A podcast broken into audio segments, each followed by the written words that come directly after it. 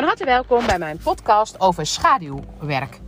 Als je naar schaduwwerk kijkt, dan kijk je naar wat iemand in de schaduw zet. En eigenlijk als ik met, met de Present Child methode bezig ben, dan zet ik heel vaak ehm, kijk ik naar dingen die kinderen laten zien die ouders in de schaduw zetten. Oftewel, als je een heel boos en opstandig en brutaal kind hebt, dan heb je waarschijnlijk zelf in je schaduw een boos en opstandig, brutaal kind. En dan denk je, ja, maar ja, dat wil ik helemaal niet zijn. Maar ja, als je dat niet wil zijn, dan moet je altijd heel veel energie steken in het niet zijn van zo'n brutaal boos iemand. Want stel je voor, ik zou nu heel boos zijn en ik zou misschien wel even een hele brutale opmerking willen maken naar iemand. En ik moet het inhouden, dan kost dat heel veel energie om niet helemaal mezelf te mogen zijn. Dus schaduwwerk gaat eigenlijk over alle delen die wij in onszelf verstoppen. Die er natuurlijk wel zijn, want iedereen heeft alles in zich. En die ontzettend veel energie van ons kosten. Nou, hoe weet je nou wat jouw schaduw is? En ik dacht, ik ga het gewoon eens proberen uit te leggen.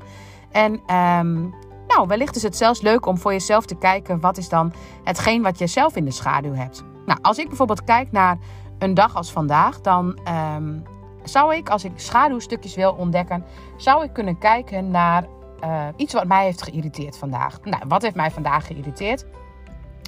Ik had vandaag, um, toen Jort vandaag thuis kwam, uh, was Jort al een beetje geërgerd en niet helemaal lekker in zijn vel. En ik merkte dat hij toen ook nog heel graag iets wou, waardoor hij nog meer ergernis kreeg.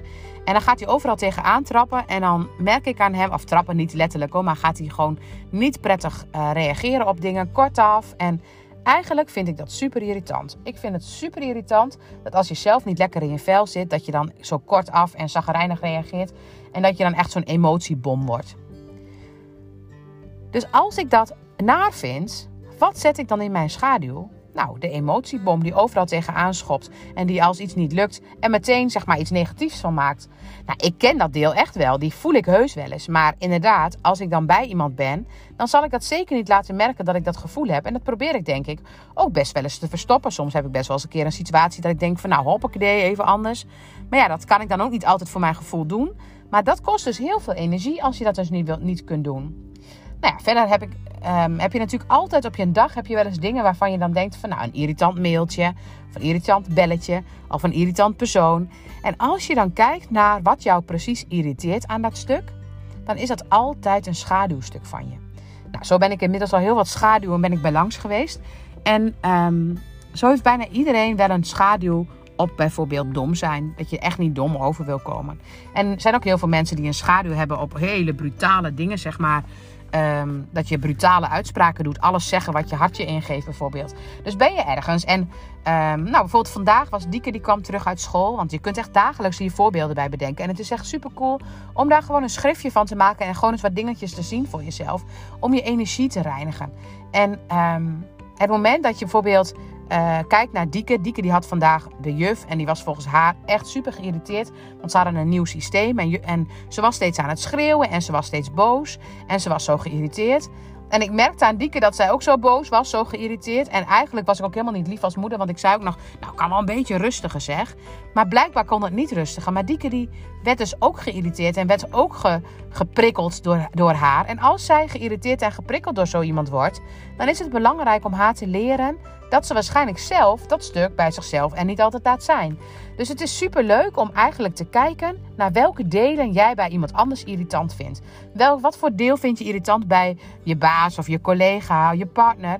Want alles wat je irritant vindt, dat zou je meer mogen zijn.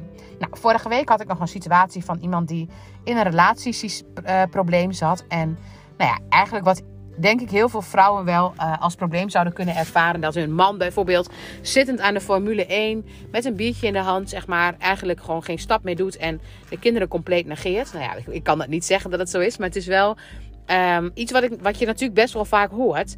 Maar als jou dat zo irriteert, Ga dan eens zelf bier drinken en naar Formule 1 kijken. Oftewel, waar heb jij dan dat deel verstopt die zo geen verantwoordelijkheid neemt voor dingen? En die zo even denkt aan zichzelf. Want wij denken allemaal als moeder van, nou ja, weet je, dat is verleden tijd.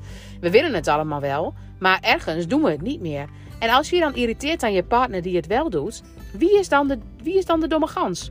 Dat is toch eigenlijk, ben je toch zelf? Jij bent degene die dan dat wat die ander doet, niet doet. En hoe harder je daar tegen aanschopt, ja, vaak ook nog hoe harder jij het dus minder gaat doen en de ander het nog meer gaat doen. Want zo werkt het. Als ik zeg maar iets bij mijzelf verstop, dan zal de ander het heel groot maken om het te laten zien. Dus vanaf nu, kijk eens voor jezelf welke dingen irriteer je. En het kan echt zijn van een boos kind tot een kind wat niet gaat slapen, tot een kind wat heel ehm, makkelijk geïrriteerd is. Een kind wat heel veel opstandige buien heeft. Een kind wat elke keer als je bijvoorbeeld bij een opa of oma bent uh, woedeuitbarstingen heeft. Nou, misschien laten die wel gewoon de woedeuitbarstingen zien die jij hebt weggedrukt bij, jou, bij opa en oma of bij je vader en moeder. Dus alles is iets, alles wat jou irriteert, alles wat jou raakt is iets voor jezelf. En wat als je dat allemaal zou oplossen? Hoeveel energie zou je aan het einde van de dag dan nog niet op hebben, over hebben? Nou, ik ben benieuwd hoeveel energie dat is. En ik wens je heel veel succes ermee, want het is niet altijd grappig om de dingen op die manier te bekijken. Want dan denk je op een gegeven moment dat alles van jou is. En eigenlijk is dat ook zo, want we kunnen eigenlijk alleen maar onszelf veranderen en niemand anders. Dankjewel voor het luisteren.